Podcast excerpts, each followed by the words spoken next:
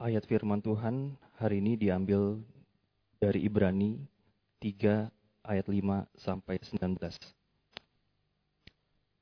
Musa memang setia dalam segenap rumahnya sebagai pelayan untuk memberi kesaksian tentang apa yang akan diberitakan kemudian. Tetapi Kristus setia sebagai anak yang bertanggung jawab atas rumahnya. Dan rumahnya ialah kita, jika kita berpegang teguh pada kepercayaan dan pengharapan yang kita megahkan. Sebab itu, seperti yang dikatakan Roh Kudus, pada hari ini, jika kamu mendengar suaranya, janganlah keraskan hatimu seperti dalam pemberontakan pada waktu pencobaan di padang gurun, di mana nenek moyangmu mencobai aku dengan menguji aku, sekalipun mereka melihat perbuatan-perbuatanku 40 tahun lamanya. Itulah sebabnya aku murka kepada orang-orang itu dan berkata, Selalu mereka sesat hati dan mereka tidak mengenal jalanku. Sehingga aku bersumpah dalam murkaku, mereka tak akan masuk ke peristirahatanku. Waspadalah, saudara-saudara, supaya di antara kamu jangan terdapat seorang pun yang hatinya jahat dan tidak percaya, sehingga murtad dari Allah yang hidup. Tetapi hendaklah kamu saling menasihati setiap hari, selama masih dapat dikatakan hari ini, supaya jangan ada di antara kamu yang menjadi keras hatinya karena tipu daya dosa. Karena kita telah menjadi bagian dari Kristus, asal saja kita berpegang teguh sampai akhirnya pada keyakinan iman kita yang semula. Ketika dikatakan, pada hari ini, jika kamu mendengar suaranya, janganlah keraskan hatimu seperti dalam pemberontakan. Siapakah mereka yang mendengar suaranya tetapi memberontak? Bukankah mereka semua yang keluar dari Mesir di bawah pimpinan Musa? Siapakah yang ia murkai selama 40 tahun? Bukankah mereka yang berbuat dosa dan yang mayatnya bergelimpangan di padang gurun? Siapakah yang telah ia sumpahi bahwa mereka tidak akan masuk ke peristirahatannya? Bukankah mereka yang tidak taat? Demikianlah kita lihat bahwa mereka tidak dapat masuk karena mereka tidak percaya. Terima kasih Penatua Ronald. Saudara-saudara selamat bulan baru. Hari ini kita masuki tanggal 1 Oktober. Kita ibadah lagi bersama-sama dengan Komisi Remaja hari ini. Karena kita akan masuki perjamuan kudus. Dan saudara bulan Oktober adalah hari perjamuan kudus sedunia, tepatnya tanggal 4 Oktober. Karena itu hari ini, mari kita siapkan hati dan kita juga memperingati perjamuan kudus. Nah, saudara, eh, hari ini juga eh, saya ingin mulai satu tradisi yang baru, eh, khususnya jika saya yang berkhotbah. Kalau nanti teman-teman pengkhotbah lain mau ikuti juga tidak apa-apa, saudara. Kita akan mendengarkan bacaan Alkitab dari majelis. Jadi, mulai hari ini, saudara, sebelum pendeta menyampaikan uh, uraian firman, uh, majelis akan membacakan ayat uh, bagian firman Tuhan. Tadi penatua Ronald, saudara yang menyampaikan.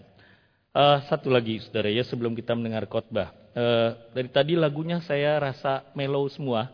Karena itu saya ingin kita nyanyikan lagu yang uh, KPPK 155 tapi dengan tempo lebih cepat. Boleh minta tolong main musik.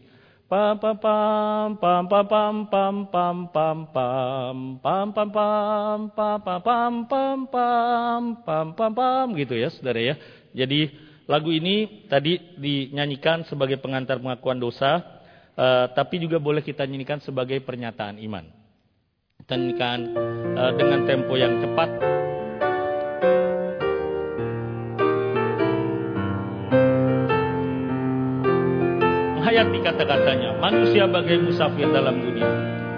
Manusia bagai musafir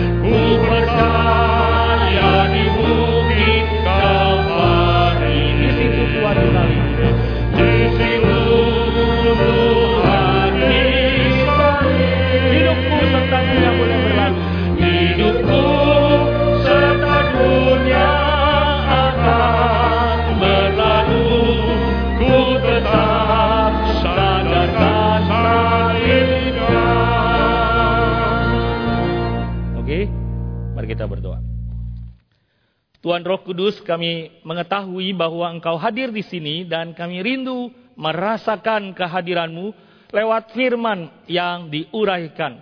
Hambamu yang Tuhan sudah titipkan kata-katamu, yaitu firmanmu, minta supaya Tuhan sucikan, biarlah menjadi saluran yang bersih sehingga firmanmu lancar masuk ke dalam hati, mengubahkan pola pikir kami, sikap mental kami, pola laku kami, dan pengambilan keputusan kami. Terima kasih Tuhan, di dalam nama Yesus kami memohon. Amin. Saudara-saudara, hari ini tema kita adalah untangled from unbelief atau tidak terjerat, tidak terjebak, tidak nempel kepada satu jaring-jaring atau satu jala yang disebut uh, ketidakpercayaan. Tadi dibacakan Ibrani 3 dari ayat 5 sampai 19 supaya kita bisa melihat konteks seluruhannya. Tapi hari ini kita akan lihat ayat 12 sampai ayat 14 saja. Nah, saudara, apa yang sudah kita lalui sejauh ini dalam movement kita di minggu yang ketujuh ini, kita sudah belajar tentang tetap percaya untuk tidak menyerah. Lalu tetap bergumul, tetap bergulat seperti Yakub yang menghadapi rasa bersalahnya tapi dia berjuang dalam pergumulannya, dalam doanya dia berjumpa dengan Tuhan, diberi identitas baru. Lalu kita tetap perspektif, kita tetap menjaga sudut pandang kita dari kekekalan, sudut pandang kita kepada Kristus saja. Lalu kita belajar, saudara, bahwa ada tipu daya si jahat, si iblis juga bisa jadi sesuatu yang Tuhan tanam sebagai alert, sebagai alarm di kehidupan kita, yaitu khawatir. Bagaimana kita tidak terhalangi khawatir, terus maju, tidak menyerah. Dan di KKR lalu, saudara kita belajar, kita tidak terikat kepada legalism. Tidak terikat kepada Kristen itu hanya terdiri dari harus begini, harus begitu. Tidak boleh begini, tidak boleh begitu. Bukan itu. Kristen belajar, kekristenan belajar mengapa Mengapa kita lakukan ini? Mengapa kita ibadah minggu? Mengapa kita saat teduh? Mengapa? Dan seterusnya. Dari situ, saudara, kita tidak hanya melakukan hukum agama. Tidak hanya melakukan wajib agama kita. Dan minggu lalu kita belajar tidak terbelenggu dusta. Siapa bapak segala pendusta? Iblis, saudara. Yohanes 8:44. Hari ini kita belajar tidak terjerat ketidakpercayaan. Apa itu untangled? Supaya kita mengarah, saudara, saya ingin mengajak kita melihat pada definisi-definisi terlebih dahulu. Untangled artinya luput, atau copot, atau lolos. Lepas dari apa? Dari jerat, dari jala, dari jebakan, dari apa pun namanya, saudara, yang jelas kemudian kita terus mau maju, tidak menyerah, walaupun jatuh bangun, dan kita di tengah jalan mesti lepas dari satu jebakan yang namanya belief atau unbelief, saudara. Apa bedanya belief dengan trust? Saya sedikit menyinggung, saudara, untuk menyederhanakan begini saja. Belief atau percaya, iblis juga percaya kepada Allah. Iblis juga percaya bahwa Yesus adalah Allah yang datang ke dunia. Tapi apakah kemudian mereka trust apakah iblis dan kawan-kawannya mempercayakan diri. Itu kira-kira saudara yang boleh saya definisikan secara sederhana. Believe itu percaya. Siapa pun bisa percaya Yesus itu anak Allah. Tapi mempercayakan diri, menempatkan Kristus sebagai Raja di tahtanya, di hati dan hidup kita. Yang mengarahkan kehidupan kita, yang berdaulat, yang memerintah. Yang kita ikut saja seperti seorang pelayan yang melihat kepada tangan nyonyanya atau tangan tuannya waktu menunjuk ikut apa pun yang diperintah oleh sang tuan, sang raja. Nah, sekarang Saudara, kita belajar ini bahwa kita lepas, kita lolos dari jebakan. Mungkin kita pernah tertempel jebakan jaring dari ketidakpercayaan itu atau kita kurang percaya, kurang mempercayakan diri kepada Tuhan dan kita mau tidak menyerah, kita mau lepas lagi. Saudara, mari kita lihat apa yang sebenarnya diungkapkan oleh Ibrani pasal uh, eh, 3 tadi. Penyebab Israel gagal memasuki tanah yang dijanjikan, Ibrani 3 16 sampai 19 dan juga ayat-ayat sebelumnya Saudara sebetulnya mengutip Mazmur 95 lalu juga mengutip Mazmur 95 itu kisah bagaimana orang-orang Israel ini di waktu yang lalu selama 40 tahun dalam diskusi saya dengan seorang rekan Saudara uh, menarik sekali uh, saya menemukan sesuatu ketika di Surabaya di Jumat Sabtu minggu yang lalu. Saya berdiskusi begini, saudara ya. City Alight yang pencipta lagu tema yang kita nyanyikan berulang-ulang itu, mereka ketika diwawancara mengaku bahwa mereka adalah the first generation Christian. Saudara apa yang menarik dengan grup musik City Alight ini? Gospel Center itu dimulai bukan di Australia, tapi di Amerika. Siapa tokoh terpentingnya yang mempopulerkannya? Tim Keller. Tentu ada Don Carson, ada John Piper, ada Paul Tripp, dan seterusnya. Bisa disebut berbagai nama. Yang sekarang ini, saudara berganti. Saudara memang New York uh, yang lagi banjir sekarang ini, saudara ya. Uh, situasi yang menarik sekali. Karena tahun 95-an, New York itu uh, keturunan Asia double dari 400 ribu menjadi 800 ribu. Lalu mereka back to the city. Kalau kita sudah di Jakarta dengan begitu. Sekarang salah satu ketua atau ketua dari Gospel Coalition atau Gospel Center tadi adalah orang Asia. ABC tentu saja, American Born Chinese. Uh, Julius Kim namanya saudara dan seterusnya orang Korea. Nah sekarang balik lagi saudara ya. Uh, waktu uh, gerakan kembali kepada Injil ini dimulai, uh, kembali kepada bahwa Injil itu dibutuhkan bukan cuma untuk orang yang non-Kristen, lalu perlu lahir baru menjadi Kristen. Tapi Tim Keller merumuskan atau menemukan dan mempopulerkan Injil itu dibutuhkan. Kasih karunia itu, pengampunan itu dibutuhkan sepanjang kehidupan iman kita, termasuk buat pendeta, termasuk buat semua orang yang sudah Kristen, saudara. Nah, uh, yang Tuhan munculkan sebagai grup gospel centered songs, pencipta lagu-lagu yang berpusatkan kepada Injil atau himnal atau yang menceritakan tentang Kristus, bukan seperti lagunya katakanlah battle atau elevation worship atau eh, di Indonesia dipopulerkan dengan Nafiri, dengan JPCC yang hanya menggambarkan romantic love, hubungan cinta kasih antara pribadi dengan Bapak, saudara. Mereka kembali back to biblical, kembali kepada Alkitab. Ini di Australia. Di gereja mana, saudara? Bukan di gereja Presbyterian, bukan di gereja karismatik atau gereja kontemporer, gereja Anglikan. Saudara tahu gereja Anglikan seperti apa? Ada yang pernah pergi ke gereja Anglikan? Saudara, gereja Anglikan seperti Katolik kalau masuk pendetanya diiringi dengan panji-panji lalu bau kemenyan saudara ya karena ada uh, bakar dupa lalu selalu ke pastornya memakai uh, jubah putih kebalikan dengan gereja Protestan yang hitam sebenarnya ya karena memang Calvin mau berbalik dari uh, gereja Katolik waktu zamannya dan seterusnya. Saudara gereja Anglikan spektrumnya sangat luas dari yang pendetanya percaya LGBT dan uh, kemudian menikahkan sesama jenis, tapi juga ada yang paling injili. John Stott adalah tokoh injili, N.T. Wright adalah tokoh injili di gereja Anglikan. Gereja Anglikan, saudara gerejanya yang siapa uh, pemimpinnya? Saudara tahu siapa?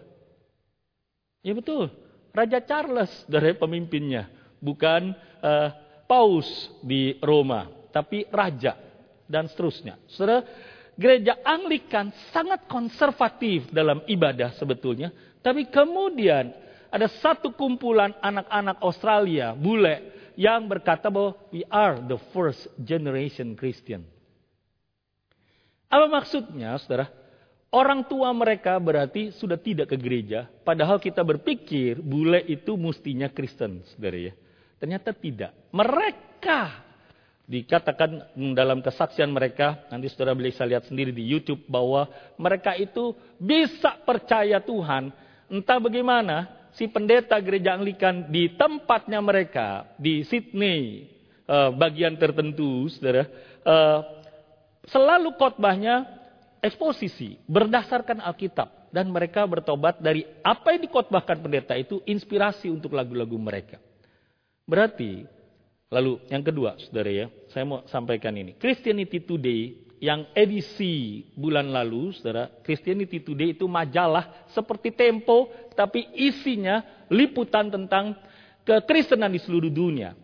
Waktu, saya sebut saja saudara ya, uh, karena orangnya toh sudah meninggal dunia. Waktu Ibu Tin naik haji atau jadi hajah, itu masuk dalam majalah uh, Christianity Today 1995, saudara ya, dan seterusnya. Jadi seluruh peristiwa tentang kekristenan seluruh, seluruh di seluruh dunia masuk majalah itu. Judulnya apa waktu Ibu Tin Soeharto naik hajah? Saudara, The Catholic First Lady of Indonesia now go to Mekah, saudara ya, dan seterusnya, saudara. Jadi sesuatu yang menarik sebetulnya apa yang diliput oleh Christianity Today. Dia mengatakan begini, setelah pandemi, yang kehilangan dari gereja atau yang hilang dari gereja bukan generasi Z atau generasi Alpha, bukan. Tapi baby boomers yang lahirnya tahun 60-an akhir dan uh, sampai 69, Saudara. Dan 70 itu mulai generasi saya, Saudara, generasi X atau generasi kita yang lahir tahun 70-an. Saudara, baby boomers yang paling banyak meninggalkan gereja. Berarti satu angkatan hilang jadi sekarang ini yang masuk ke gereja adalah generasi berikutnya. Saudara, eh, yang menarik lagi, saudara, Christianity Today juga menunjukkan baru saja ini edisi yang paling terakhir, baru hari Jumat kemarin dan saya berseru bahwa pendaftaran mahasiswa ke sekolah-sekolah Injili di Amerika, saudara sebut saja Grace College, Wheaton College, Bayola, um, apa pun saudara sekolah Bethany, Asbury, Southern Baptist, dan seterusnya. Saudara meningkat lebih dari 10% di tahun ini. Bahkan Asbury, tempat kebangunan rohani terjadi beberapa bulan yang lalu, double calon mahasiswa yang mendaftar ke Asbury di Kentucky. Saudara, ada fenomena apa ini dalam kekristenan di Amerika? Jadi satu generasi hilang, Lalu ada satu generasi baru yang Tuhan munculkan. Yang sekarang nampaknya saudara, the baby boomers atau kita generasi X atau saudara uh, siapa pun saudara generasi apa pun saudara ya, atau generasi perang dunia kedua saudara kalau tak lahirnya tahun 45-an dan sekitarnya. Saudara, ini generasi yang sudah beralih menuju satu, satu generasi yang baru. Saudara, kalau kita tidak antisipasi, kita kehilangan gelombang atau movement yang Tuhan berikan buat gereja kita ini, saudara. Nah, menarik sekali bahwa Alkitab pernah menunjukkan bahwa generasi yang pernah alami perbudakan di Mesir, lalu kemudian mereka di padang gurun selama 40 tahun, tidak ada satupun kecuali Yosua dan Kaleb, saudara, yang termasuk Musa, termasuk Harun, termasuk Miriam, yang masuk ke tanah Kanaan. Satu generasi dihapuskan. Saudara, kenapa mereka gagal masuk ke tanah yang dijanjikan ini? Pasal 6, pasal 3 16 sampai 19 menyebutkan mereka mendengar suaranya namun memberontak. Mereka berbuat dosa, mereka tidak taat, mereka tidak percaya. Mereka hatinya jahat. Karena itu ayat 12 sampai 14 yang menjadi ayat dasar buat kita hari ini adalah satu peringatan. Peringatan pertama, waspadalah saudara-saudara supaya di antara kamu jangan terdapat seorang pun yang hatinya jahat, yang tidak percaya, sehingga murtad dari Allah yang hidup. Jangan sampai hati yang jahat, yang tidak percaya, yang terjebak dengan ketidakpercayaan, murtad lalu tidak mendapat bagian apa yang dijanjikan oleh Tuhan. Saudara, mari kita lihat bagaimana kita memaknai peringatan dari Ibrani 3 12 14 ini. Yang pertama, ternyata Saudara, pengalaman mujizat besar belum tentu menjamin percaya. Jadi walaupun bangsa Israel mendapat hak istimewa menyaksikan dan mengalami mujizat yang dahsyat di padang gurun, mereka alami apa saja, saudara? Sepuluh tulah, terbelahnya laut merah. Mereka bukan cuma saksikan dalam film atau dengar dari cerita, tapi mereka memasuki lorong laut itu, menginjak dasar laut itu, Berapa lama? Kita tidak tahu. Alkitab cuma mencatat 600 ribu orang menyeberang. Termasuk kalau dihitung istri, ibu-ibu, orang tua, dan anak-anak mungkin sekitar 2 juta orang. Saudara bayangkan 2 juta orang menyeberang. Berapa lama itu saudara? Dan Musa yang memimpinnya. Mereka berbondong-bondong di situ. Lalu sesudah itu mereka sampai di kaki satu bukit yang namanya Sinai mereka menyaksikan guntur, kilat, api, dan Musa turun dengan muka bercahaya. Mereka mendapatkan mana, tepung yang turun dari langit bersamaan dengan embun waktu pagi. Mereka bukan makan burung puyuh di restoran. Mereka makan burung puyuh, saudara. Tiap hari. Berapa lama? Puluhan tahun. Lalu apakah membuat hati mereka jadi percaya? Ternyata tidak. Apakah membuat hati mereka menjadi menyala-nyala? Saudara, tidak. Kenapa? Inilah hati kita, hati manusia berdosa. Pada dasarnya, kita memilih. Kita tidak mau mempercayakan diri kepada Tuhan. Karena yang saya saksikan, apa kata mereka, saudara? Saudara, ini kalimat di the land between. Di tanah antara. Dulu, waktu kami di Mesir, kami makan enak. Pakai ketimun, acar, pakai bawang prei, pakai bawang merah, pakai bawang putih. Sekarang makan hambar, tepung tiap hari. Sampai kapan seperti ini, saudara? Mereka tidak mau, mereka tidak berani. Saudara, mempercayakan diri kepada Tuhan. Soal hati percaya ini memang betul-betul kasih karunia Tuhanlah yang menyelamatkan, saudara. Hati yang jahat yang bisa diselamatkan, diberi hati yang baru, diciptakan ulang oleh Tuhan, hati yang baru di dalam diri kita, itu memang karya roh kudus semata-mata. Saudara kita pikir hati itu bisa berubah kalau seandainya kita di dalam komunitas pengikut Kristus. Faktanya Yudas tidak. Tiga setengah tahun bersama dengan murid-murid di tempat paling dekat dari siapa pun dengan Tuhan Yesus Kristus mendapat kepercayaan jadi bendahara. Hatinya tidak berubah. Lalu kita tidak pernah pikir Saulus yang begitu bengis, yang begitu kejam, yang begitu musuhin orang Kristen, gereja, kejar-kejar orang Kristen, tapi kemudian percaya Tuhan. Saudara kita tidak pernah menduga siapa yang dipilih oleh Tuhan. Sekarang saudara, sebelum lebih jauh, mari kita lihat ini. Hati, kalau begitu apa sih hati? Bagaimana kita mendefinisikan hati yang jahat itu? Saudara secara biblikal atau secara alkitabiah, Alkitab khususnya PL mencatat hal-hal tentang hati yang positif, betul saudara, kesimpulannya bahwa hati adalah pusat kepribadian hidup seseorang. Tapi eh, positifnya saudara, hati itu digambarkan sebagai kepribadian, kecerdasan juga disebut sebagai hati, ingatan disebut sebagai hati memori, hatinya memikir-mikirkan atau emosi, perasaan. Jadi hati bukan cuma soal perasaan, tapi ada intelektual dalamnya. Hati juga bicara soal keinginan, hati bicara juga soal kehendak. Tapi secara negatif, saudara, eh, juga disebut kejahatan hati atau hati yang jahat satu Samuel atau hati yang sesat dan hati tidak disunat.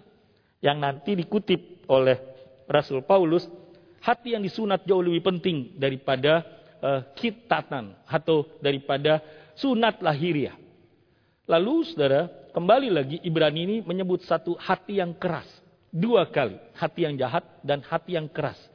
Saudara, apa yang kita temukan, saya mendefinisikannya, saudara, dari apa yang kita lihat dari Mazmur 95, dari Ibrani 3 ayat 16 sampai 19, dari bilangan pasal 14, hati yang keras, kalau boleh saudara, saya uh, menyimpulkannya begini, menetapkan kehendak menetapkan hati untuk sengaja melawan kehendaknya Tuhan. Saya tidak mau. Saya tidak peduli. Saya mau yang saya mau. Yang saya mau lakukan adalah yang saya kehendaki. bukan yang Tuhan kehendaki. Itu hati yang keras, saudara. Nah, nanti kita akan lebih lanjut ke situ. Sekarang, saudara, uh, saya ingin melihat dulu apa yang saya maksud dengan hati yang jahat ini. Hati yang jahat bukan cuma Israel di padang gurun, saudara. Coba bayangkan kalau seandainya saudara dan saya hidup di padang gurun yang gersang itu. Kaki kepanasan tiap hari selama berapa tahun? 40 tahun. Tuhan yang saya harap berbuat sesuatu, bukan artinya Tuhan tidak buat apa-apa. Tuhan sudah buat banyak, tapi karena saya di 40 tahun ada di padang gurun itu, dan Tuhan tidak melakukan seperti yang saya mau, yang saya mau tadi, bawang pre, timun, acar, dan seterusnya, saudara. Yang saya dapat ternyata berbeda dengan apa yang saya mau. Tiap hari, puluhan tahun, maka kemudian saya berkata begini, mujizat sih, tapi bukan seperti mujizat yang aku mau. Kalau begitu, nggak perlu Tuhan. Tuhan yang aku perlu adalah Tuhan yang buat mujizat seperti yang aku mau. Tadi saya sebut saudara bahwa saya pergi ke Surabaya beberapa minggu yang lalu. Saudara saya pergi cuma untuk melayani khotbah dari teman saya yang mantu. Eh, kawan baik selama 30 tahun, sekarang dia menjadi ketua umum Sinode Gereja Kristus Tuhan. Kita gereja Kristus Yesus. Dia gereja Kristus tanpa Yesus. Kita gereja Kristus tanpa Tuhan. Kira-kira begitulah saudara. Tidaklah saudara ya. Saudara balik lagi Saudara, gereja Kristus Tuhan. Saudara, yang hadir begitu banyak pendeta, yang hadir begitu banyak uh, pejabat gereja, saya diantar jemput khusus oleh satu majelis yang dulu pernah pelayanan di gereja kita sebagai BPR, tapi pernah kemudian 10 tahun menjadi ketua majelis dari uh, satu sinode gereja tertentu. Saudara kami bincang-bincang, saya diskusi, lalu uh, Waktu dia antar saya kembali ke bandara, saudara, uh, dia cerita begini. Belum lama pendeta gerejanya undang dia untuk wawancara. Uh, disiarkan di uh, namanya forum bisnismen di sinode gereja itu. Saudara. Kemudian wawancaranya apa? Bagaimana kiatnya menghadapi bisnis setelah pandemi. Saudara, uh, dia dengan logat Surabaya yang khas bilang, lah aku sendiri nggak tahu Pak Riko, nggak tahu Musa. Aku ini mesti bagaimana? Jadi suruh kesaksian ditanya ya aku jawab aja katanya. Saudara apa yang ditanya? Ditanya uh, pendetanya, waktu dulu pandemi uh, seperti apa keadaannya? So, dia cerita, dia distributor uh, satu peralatan lah saudara ya. Waktu itu menjelang Lebaran, Maret 2020. Saudara, seluruh barang sudah ada di gudang. Dan gudang penuh. Lalu tiba-tiba pemerintah putuskan waktu pandemi itu tidak boleh buka toko. Tidak boleh jualan. Matilah. Kalau buka paksa juga, maka ditangkap Satpol PP. Mau nggak work from home? Lah aku mau. Siapa yang nggak mau work from home? Aku mau santai-santai di rumah aja juga. Tapi nggak bisa. Tiap hari negosiasi sama orang bank. Saudara punya utang di bank itu dia bilang, kalau semua properti dijual, bukan cuma nol, minus. Lalu eh, orang bank atau rame-rame semua bilang minta reschedule sama bank. Bayar pinjaman bank itu minta dimundurkan. Ya bank mau aja musuh. Tapi kalau aku mundurkan bayar ke bank, langsung dikasih red flag. Dikasih blacklist. Ini orang nggak sanggup bayar, ngapain dikasih pinjaman lagi? Saudara ngerti maksudnya? Saudara, dua tahun gudang penuh, karyawan tetap mesti makan. Mau tak pecat? Orang-orang lain pecat semua karyawannya. Mau tak pecat? Aku yang nggak tega, katanya. Saudara dengan logatnya. Terus bagaimana dua tahun? Ya udah, kerok tabungan.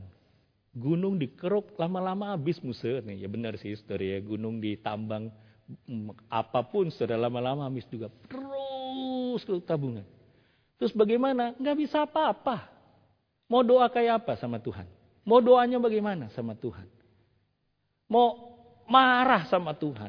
Mau seperti apa? Dua tahun. Semua bergantung sama beliau ini. Saudara. Semua keluarga besar bergantung sama dia. Apa mau dikata? Istri sakit.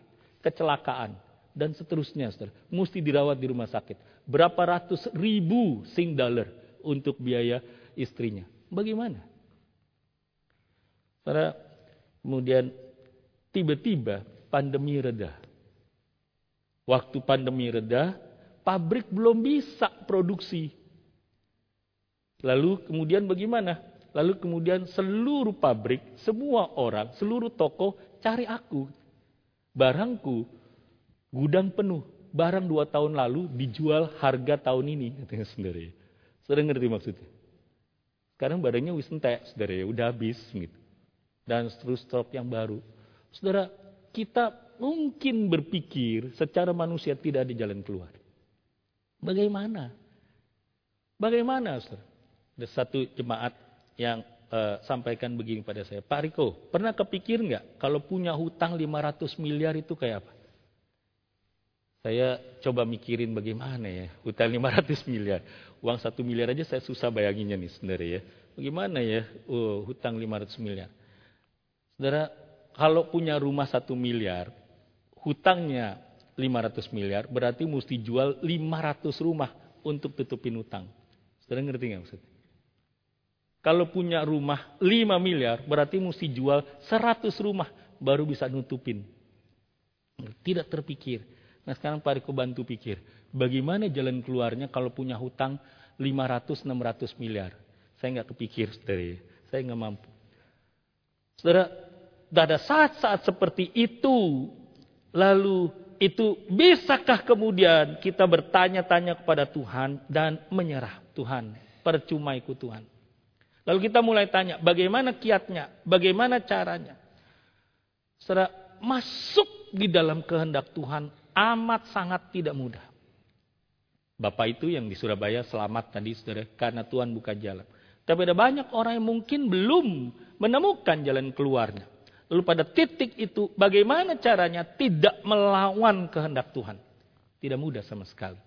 Sama sekali tidak mudah saudara.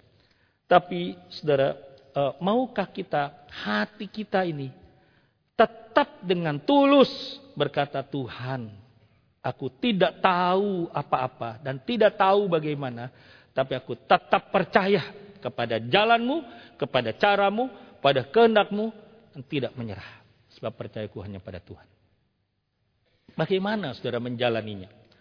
Peringatan yang kedua saudara eh, ditujukan dan berlaku untuk setiap orang. Ibrani 3:13, tapi hendaklah kamu saling menasehati setiap hari selama masih dapat dikatakan hari ini supaya jangan ada di antara kamu yang menjadi keras hatinya karena tipu daya dosa. Sekali lagi, keras hati nanti kita lihat di bagian belakang, Saudara. Ayat ini mengingatkan kepada kita bahwa eh, godaannya untuk tidak percaya sering kali salah satunya begini, saya tidak perlu orang lain.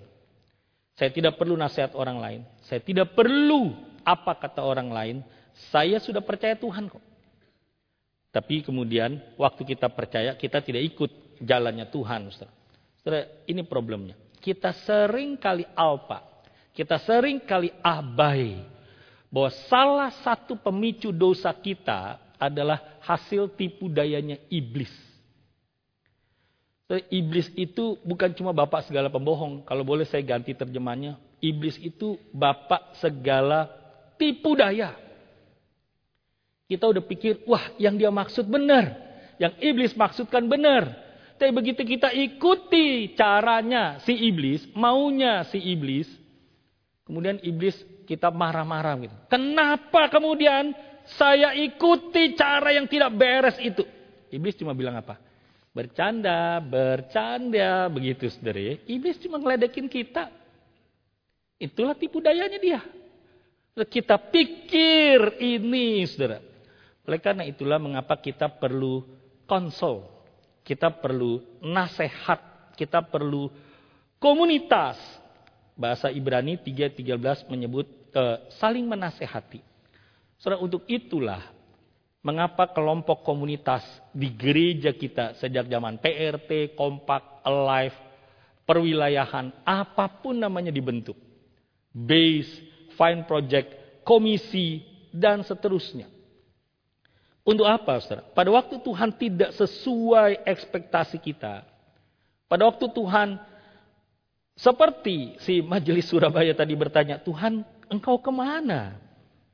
Saudara, waktu Tuhan tidak lakukan seperti yang kita harapkan, yang kita doakan, yang kita mau, saudara, lalu mungkin kita pikir Tuhan tidak buat apa-apa. He is not doing anything. In fact, he is not doing anything you and me like. Yang kita suka, saudara. Saudara, uh, kembali lagi, saya karena langganan dan uh, tiap kali di email oleh Christianity Today, jadi uh, di saat saya uh, nganggur, mendingan saya baca Christianity Today saudara, daripada saya lihat Instagram dan kemudian TikTok dan seterusnya. Saudara. Christianity Today tanggal 27 September berarti baru 3-4 hari lalu menuliskan kesaksian seorang pendeta yang sudah pelayanan di gereja selama 20 tahun. Dalam 20 tahun itu dia hanya memakamkan tiga orang jemaat yang meninggalnya bunuh diri. Jadi 20 tahun pelayanan, nguburin jemaat yang meninggalnya bunuh diri cuma tiga. Tapi tiga orang yang dikubur karena bunuh diri ini dalam dua tahun terakhir. Kalian ngerti nggak maksudnya? Berarti 18 tahun nggak ada yang bunuh diri. Tiga tahun terakhir bunuh diri.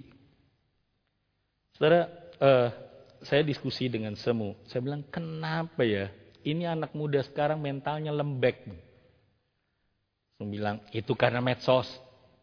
Dulu juga sebenarnya mungkin orang tua zaman dulu uh, atau kita kita uh, juga mentalnya nggak sekuat anak sekarang. Tapi karena ada media sosial uh, jadi terekspos. Kenapa saya berani bilang bahwa anak muda zaman sekarang mentalnya lembek? Lihat aja lagu-lagunya. Lagunya apa, saudara? Lagu-lagu anak muda sekarang. Yang bahasa Indonesia, yang Korea, saya nggak ikutin lah, saudara ya. Tapi saudara lagunya kan e, begitu saudara ya. Bahwa e, jiwa yang bersedih, apalagi saudara ya. E, tutur batin, lalu satu-satu dari it gitaf, tahu lagunya? Aku sudah tak marah begitu, walau masih teringat dan seterusnya, saudara ya. Uh, atau kalau saudara tanya, kenapa itu lagunya semua yang uh, solois wanita? Oke lah, yang solois pria, tulus. Kenapa dia pilih lagu yang judulnya gajah? Tergajah adalah bullying terhadap dia waktu kecil. Badan yang gak beraturan disebut sebagai gajah. Itu lagu orang mental illness semua, saudara.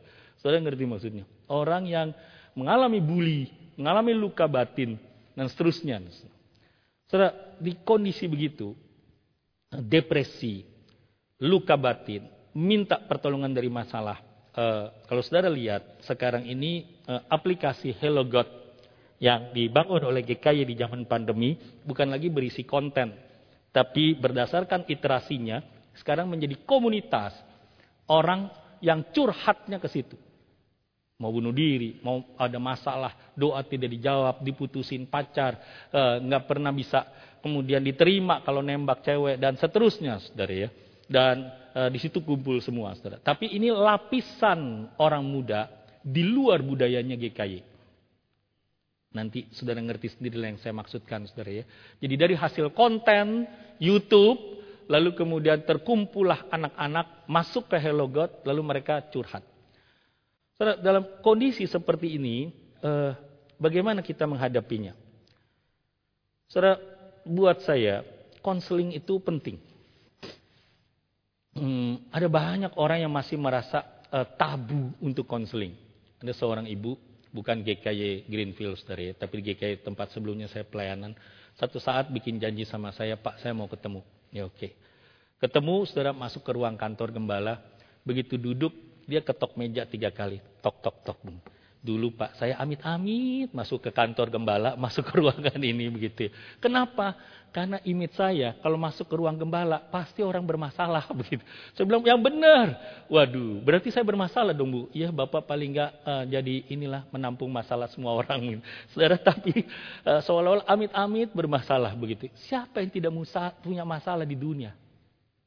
Saudara ngerti maksud saya? Berapa waktu ini kami diskusi, Saudara. Uh, tentang pentingnya konseling. Waktu mulai gerakan ini ada rekan yang uh, sampaikan. Waktu kemudian uh, dalam perjalanan juga ada seorang rekan lain. Lalu saya juga diskusi dengan rekan hamba Tuhan. Si uh, rekan hamba Tuhan mengatakan begini, saudara, yang baru memberikan insight kepada saya. Saya bilang, kenapa konseling mesti bayar? Yang tidak bayar itu, Pak Riko, adalah pastoral konseling. Kalau konseling kenapa bayar? Ilmunya bayarnya mahal. Sama seperti dokter. Kenapa konseling mesti bayar? Karena kemudian perlu komitmen dari orang yang di konseling. Kenapa konseling mesti bayar? Karena ada supervisor di atasnya yang tidak boleh dengan sembarangan saja si konselor ini melakukan sesuatu. Kenapa konseling mesti bayar dan akhirnya diskusi panjang, saudara ya. Kalau gitu kapan berdirinya nih counseling center GKY Greenfield? Kamu teorinya banyak banget saya bilang. Saudara, tapi maksudnya memang tidak mudah mendirikan. Tapi counselor sesuatu atau counseling saling menasehati. Paling tidak saudara itu menolong kita. Ketika kita cuma curhat, lalu orang cuma mendengar, itu katarsis. Maksudnya, eh, ibu-ibu saudara, eh, kalau ada masalah kan curhat ketika di affirmation perasaannya, maka kemudian diterima perasaannya, kemudian dia rasa oke, okay, lega sudah. Ya, kamu lagi kesel ya? Aduh, memang dia begitu sih, saudara. Itu katarsis, lega, saudara. Atau nangis, nangis itu katarsis. Tapi counseling bukan sekedar katarsis supaya perasaan lega, masalah tetap digondol ke mana-mana. Bukan. Counseling itu, saudara, seperti Pak Yakub Tri mengatakan menemukan akar masalahnya apa. Di ego, ilah lain di dalam diri kita, atau apa saudara? Saudara, saya ingin uh, mengajak kita untuk melihat bahwa konseling itu bukan sekedar uh, kepada orang lain, tapi juga kita bisa menjadi konselor karena ada kata saling menasehati. Pada waktu itu kita ditolong juga menghadapi tipu daya atau tipuan si iblis. Kalau seandainya saudara cari konselor, carilah konselor yang seperti Yesus katakan. Menarik sekali. Yesus dengan Marta dan Yesus dengan Maria, hmm, konselingnya beda, saudara, atau cara konselingnya beda. Waktu Yesus dengan Marta, kalimat Marta persis sama dengan kalimat Maria.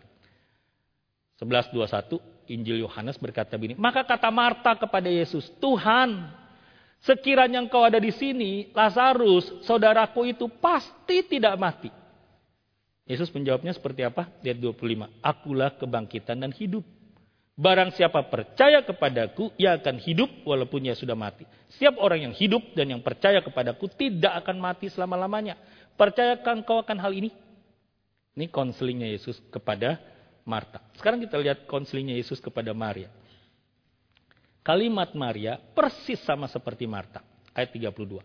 Tibanya Maria di tempat Yesus berada dan melihat dia, tersungkurlah ia di depan kakinya dan berkata kepadanya, Tuhan, sekiranya engkau ada di sini, saudaraku pasti tidak mati. Ini konseling untuk orang yang sedang berduka karena Lazarus mati. Lalu Yesus melihat Maria menangis dan juga orang-orang Yahudi yang datang bersama-sama dia, maka masgulah hatinya ia sangat terharu, maka menangislah Yesus. Artinya apa? Satu, carilah konselor yang gospel center, yang menemukan akar masalah dan jawabannya adalah Injil. Yang kedua, carilah konselor atau jadilah konselor, jadilah sahabat, jadilah teman komunitas, jadilah teman kelompok kecil yang satu. Ada kalanya bicara truth, seperti Yesus menghadapi Marta. Waktu Marta datang dengan masalahnya, Yesus berkata, kebenaran, the truth. Akulah kebenaran, akulah kebangkitan dan hidup. Percayalah, tidak akan mati kalau orang percaya kepadaku. Tapi juga orang yang waktu Yesus bicara kepada Maria, jadilah saudara seperti orang yang bisa menangis. Sama-sama orang menangis. Berarti Yesus bisa love. Bisa truth and love. Itulah seorang konselor yang kita butuhkan. Yang hanya ada dalam Yesus. Dan kita menjadi pantulan, menjadi refleksi. Bagaimana ketika kita mendampingi sahabat, rekan, anggota kelompok, teman, siapa pun itu, saudara.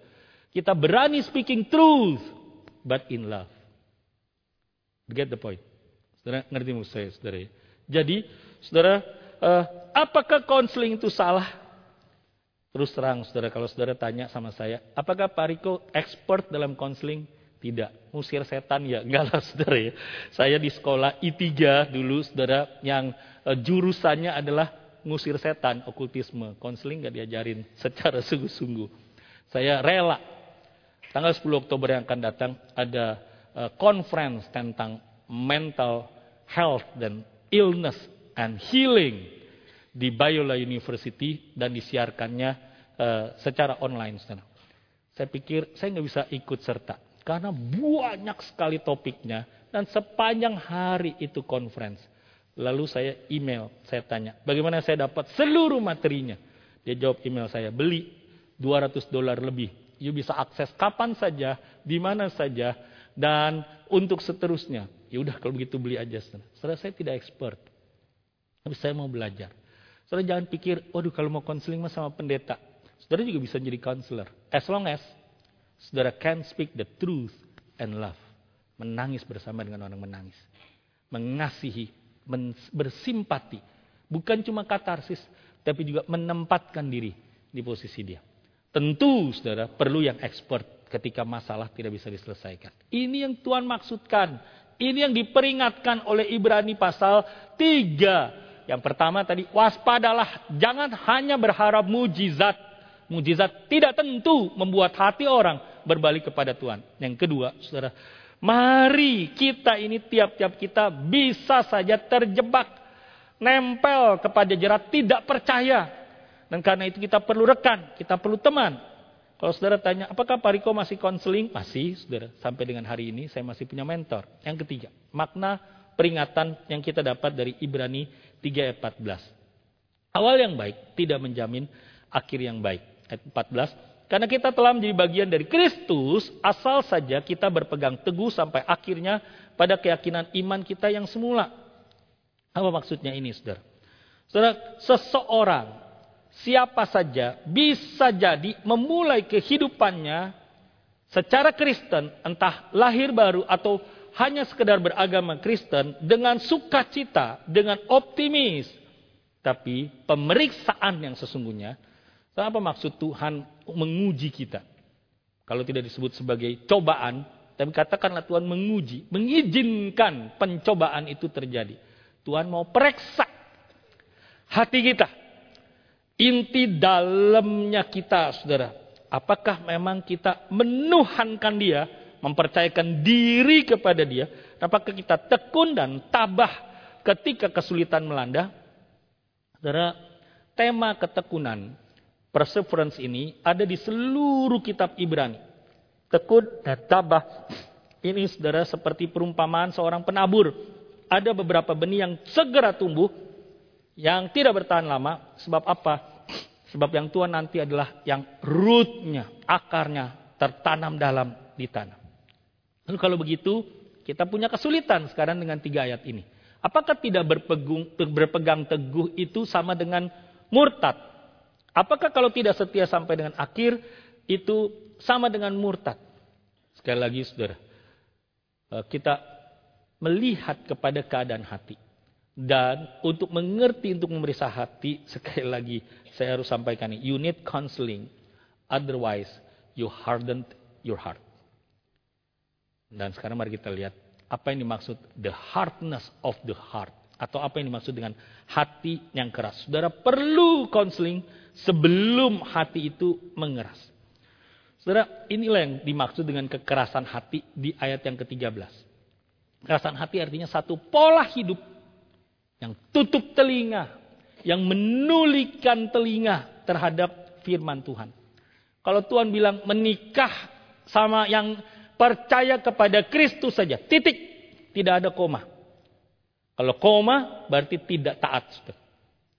Atau kalau Tuhan mengatakan hidup dalam kesucian, titik, itu betul-betul saudara kita belajar hidup walaupun jatuh bangun hidup dalam kesucian. Nah sekarang apakah po kita punya pola hidup yang akhirnya mendukakan Roh Kudus, yang akhirnya memadamkan Roh Kudus. Saudara C.S. Lewis pernah ateis. C.S. Lewis itu dia di satu saat saudara ikut perang dunia pertama. Lalu di depan matanya bom meledak dan teman-teman satu kompi dengan dia mati semua kecuali dia. Dia luka-luka tapi tidak mati. Lalu C.S. Lewis, Clive Staple Lewis, lagi-lagi saudara, dia adalah tokoh gereja Anglikan dari Inggris yang eh, tadi saya katakan spektrumnya begitu luas. Yang paling liberal ada di gereja Anglikan, tapi yang paling injili juga ada di gereja Anglikan.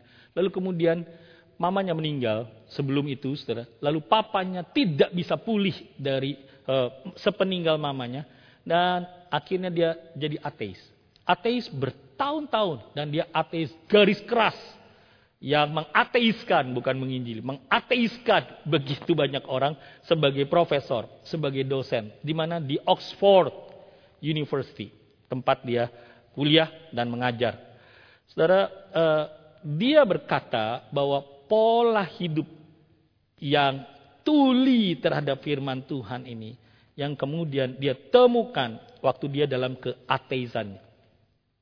Bagaimana nanti nanti dia percaya Tuhan, itu sesuatu yang berbeda lagi ya. Tapi sesudah dia percaya Tuhan, dia belajar bahwa uh, yang paling utama adalah menjaga hati nurani.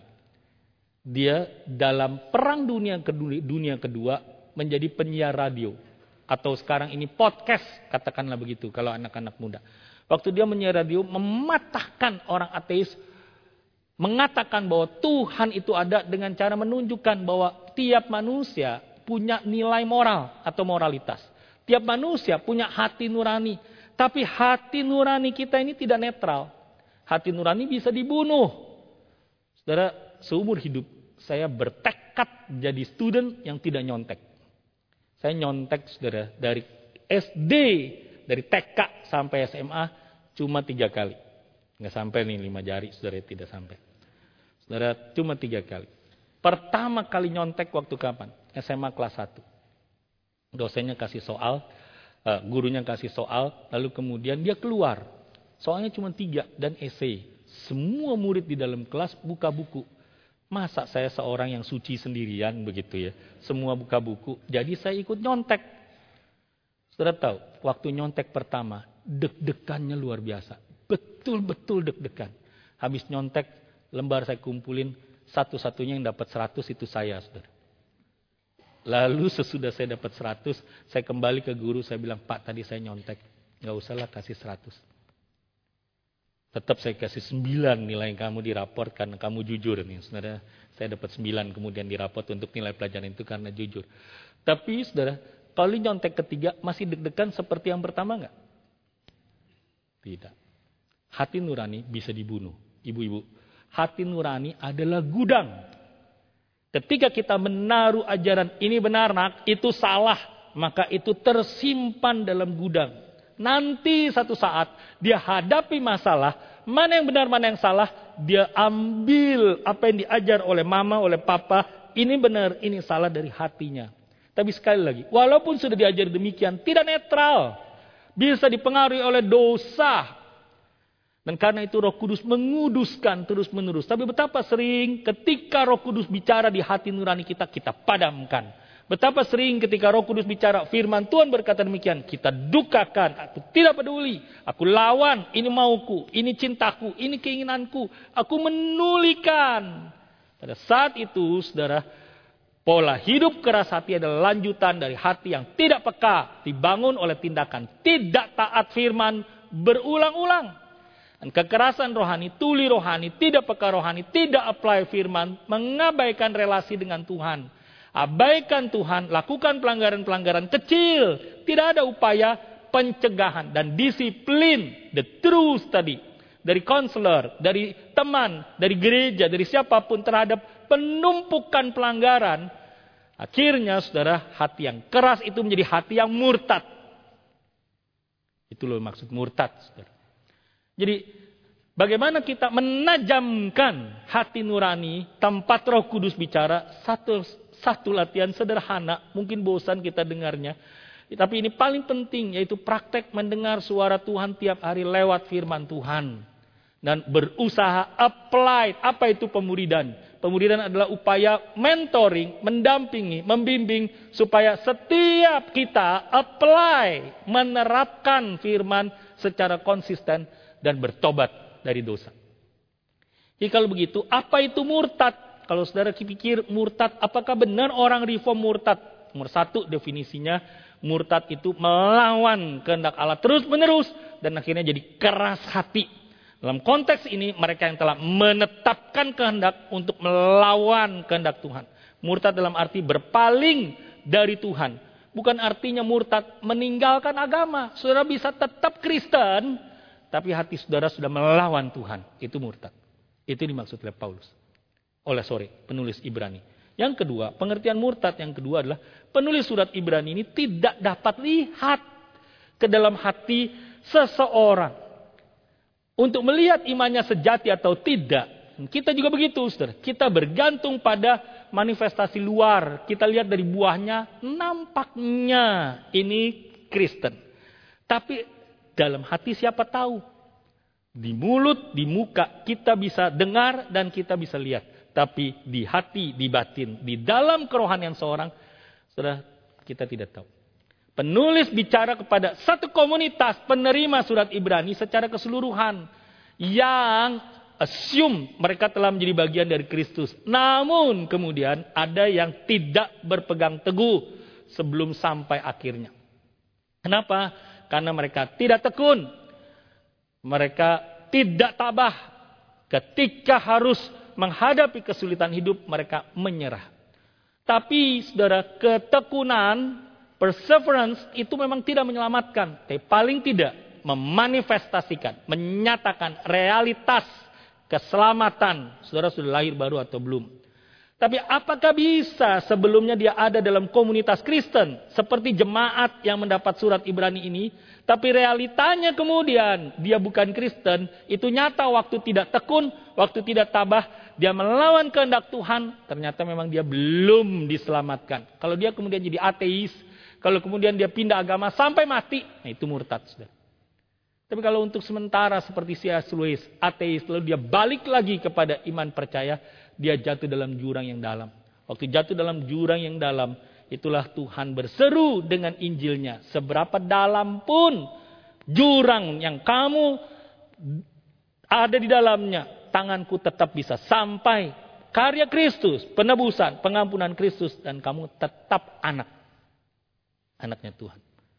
Dia akan kembali lagi kepada Tuhan.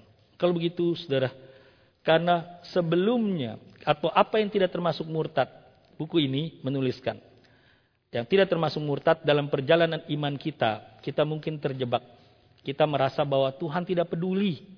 Saudara pada saat itu jangan sampai terjebak pada ketidakpercayaan. Tapi sebaliknya tetap percayalah, tetap berimanlah bahwa Tuhan menangis bersama-sama dengan kita, sama seperti Yesus menangis bersama-sama dengan Maria. He is wonderful counselor. Tuhan kok tidak beri saya pasangan, sudah tetap percayalah. Dia beri kekuatan untuk menghadapi persoalan dengan tidak sendirian dan tidak dengan kekuatan sendiri. Tuhan saya kok jatuh begitu dalamnya, saudara percayalah. Jangan sampai terseret kita dapat diampuni karena Kristus sudah bayar lunas semua hutang dosa kita. Atau sebaliknya. Saya masih cari, cari uang sebanyak-banyaknya. Dan inilah jeratnya. Inilah jaring laba-labanya. Saudara, jangan-jangan saudara sedang tidak percaya bahwa Yesus cukup memuaskan saya. Atau kalau saudara punya statement, saya terus jatuh dalam dosa hawa nafsu. Jangan-jangan saudara tidak percaya apa yang Tuhan ajarkan tentang seksualitas. Kalau saudara terus bergumul dengan sikap egois, mementingkan diri sendiri. Jangan-jangan saudara sedang tidak percaya firman. Lebih baik memberi, lebih baik melayani, lebih baik menanggalkan ego sendiri daripada menerima. Saudara bergumul dengan rasa putus asa, jangan-jangan saudara-saudara tidak percaya Tuhan sedang bekerja termasuk di dalam keputusasaan saudara. Saudara bergumul dengan kemarahan yang terpendam, Jangan-jangan saudara sedang tidak percaya bahwa Tuhan itu murah hati. Dia lebih marah bisa kepada saudara, tapi ia mengampuni.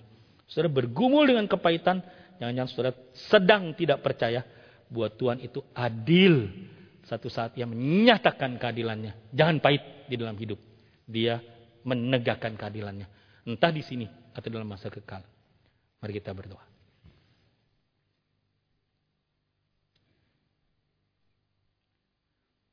Mari satu menit berdoa secara pribadi di hadapan Tuhan. Di hari perjamuan kudus sedunia ini. Mari berkata dengan jujur, Tuhan, hampir-hampir aku putus asa dan mengambil jalan yang lain. Di hari ini aku mau kembali. Walaupun belum lihat dengan mata, tapi mempercayakan diri kepadamu. Aku percaya Tuhan tetap dan sedang bekerja. Atau kalau saudara mau katakan Tuhan yang ku kejar selama ini uang. Semua yang orang dapat aku mau dapat. Jangan-jangan cuma lagu yang ku nyanyikan Tuhan cukup bagiku. Tapi imanku tidak. Sudah datanglah. Dengan Kristus memampangkan sekali lagi karyanya lewat perjamuan kudus. Yaitu nyawa yang diberikan berupa anggur yang dicurahkan. Tubuh yang dipecah-pecahkan, yang diserahkan. Berupa roti itu merupakan gambaran bagaimana ia mengasihi kita. Mari terimalah konselingnya dari dia. Dia yang berkata, akulah kebangkitan dan hidup. Percayakah engkau kepadaku? Percayalah, maka engkau akan hidup. Kalau mayat, jasad, jenazah saja bisa dibangkitkan, apalagi yang mustahil bagi dia. Kristus yang datang kepada saudara dan saya adalah Kristus yang melihat Maria menangis. Kristus yang datang kepada Maria. Kristus yang terharu. Dan Alkitab mencatat, maka masgulah hati Yesus. Dan ia menangis bersama-sama dengan Maria. Kristus demikianlah yang saudara dan saya punya. Yang ia datang yang gambaran karyanya dipampangkan lewat perjamuan suci bagi kita. Mari masing-masing berdoa. Satu dua menit dalam hatinya.